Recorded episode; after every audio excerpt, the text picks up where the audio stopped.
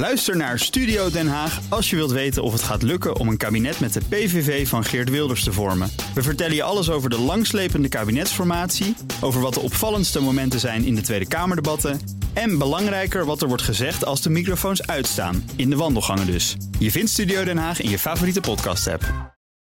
Dit is de Oekraïne Ochtend Update. Mijn naam is Geert-Jan Haan. En ik ben Bernard Hammelburg. We praten hierbij over de laatste ontwikkelingen in Oekraïne. En de gevolgen voor en de reacties van de buitenwereld. Je vindt deze podcast in je favoriete podcast-app. Na een slopende winter bevindt de oorlog in Oekraïne zich nu op een cruciaal punt. Met het eh, begin van de lente is niet de vraag of er een eh, offensief komt, en misschien succesvol of niet, maar wanneer en wie dat het snelst kan opzetten. Het laatste nieuws rond de oorlog in Oekraïne bespreken we met uh, Bernard Hammelburg. Bernard, goedemorgen. Goedemorgen, Meijnerd. Ja, wat denk jij? Wie komt er en wanneer met een uh, eerste offensief?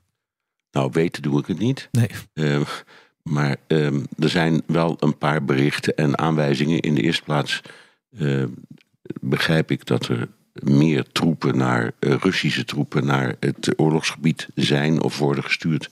En ook meer materieel. Maar nu is de vraag of dat daar is om zelf een offensief te beginnen. Of om zich in te graven. Uh, om zich te, te weer te stellen tegen een Oekraïns offensief. Daar wordt steeds meer over gesproken.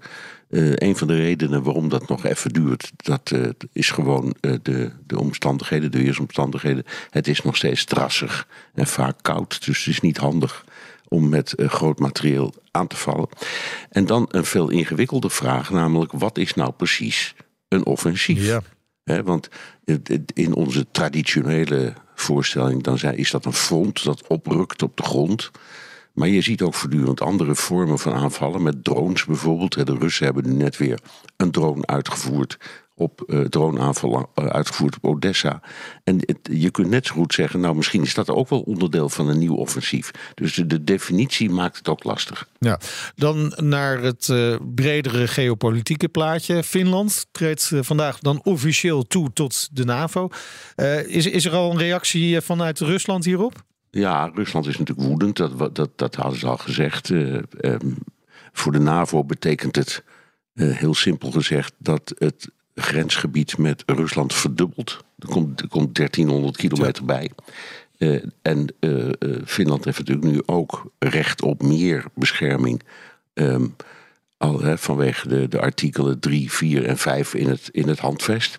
Um, en de Russen hebben dus gezegd: ja, wij worden nu gedwongen om ook langs die grens meer samen te trekken. Dus er, er zijn um, verschillende divisies die daar worden gestationeerd was natuurlijk altijd al zo. Want uh, ook zonder dat NAVO-lidmaatschap was Finland een land met een hele grote grens met Rusland. Dus dat, dat is zichzelf niks nieuws.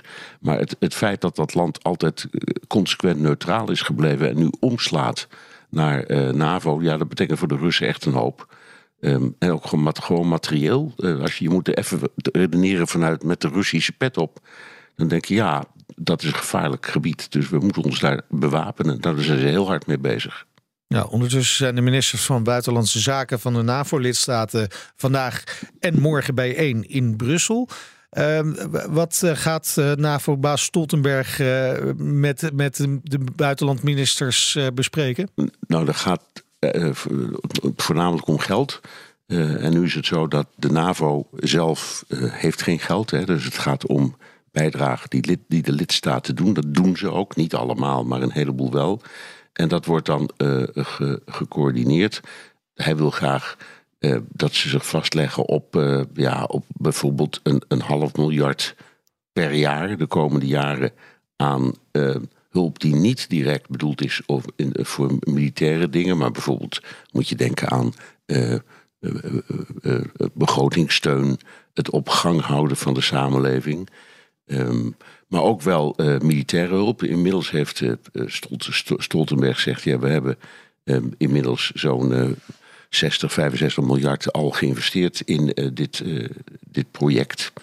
Um, en dat is niet voldoende, er moet nog steeds geld bij. en dat maakt het ook wel weer interessant, want het grootste deel van die investering is uiteindelijk gedaan door de Verenigde Staten. En de Europese landen die doen dan ook allemaal hun best, maar dat is toch met veel kleinere bedragen. En ook daar wil Stoltenberg achteraan. Hij wil toezegging van meer hulp. Ehm, je weet, het is binnen de NAVO um, gebruikt dat landen individueel beslissen of ze zoiets wel of niet doen en hoeveel. Maar bijvoorbeeld um, in de ogen van uh, Stoltenberg ook is Rusland of is Duitsland een van de landen die te veel talmt.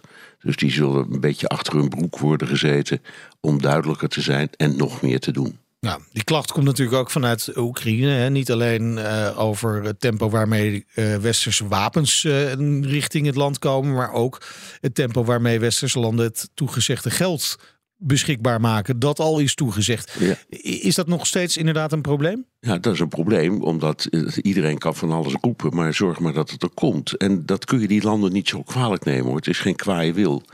Maar als je zegt wij leveren voor 10 of 20 of 30 miljard steun in militaire zin, mm -hmm. ja, dan moet je wel zorgen dat de spullen er komen.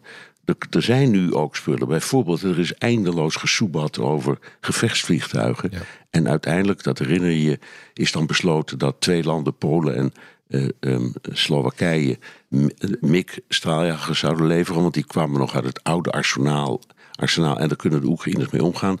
Daarvan is een aantal nu ook inmiddels echt gearriveerd. Dus er gebeurt wel degelijk wat hoor. Alleen, ja, iets als een Patriot afweergeschut, dat heb je niet 1, 2, 3 overeind getrokken. Dus dat, dat duurt lang en in de ogen van Zelensky heel begrijpelijk te lang. Dankjewel, Bernard Hammelburg, BNR's buitenlandcommentator. Ook Hugo Reitsma vind je in de BNR-app. Superhandig die BNR-app. Je kunt alle programma's live luisteren, breaking nieuwsmeldingen. Je blijft op de hoogte van het laatste zakelijke nieuws. En je vindt er alle BNR-podcasts, waaronder natuurlijk de belangrijkste, Boeken zijn in de wijk.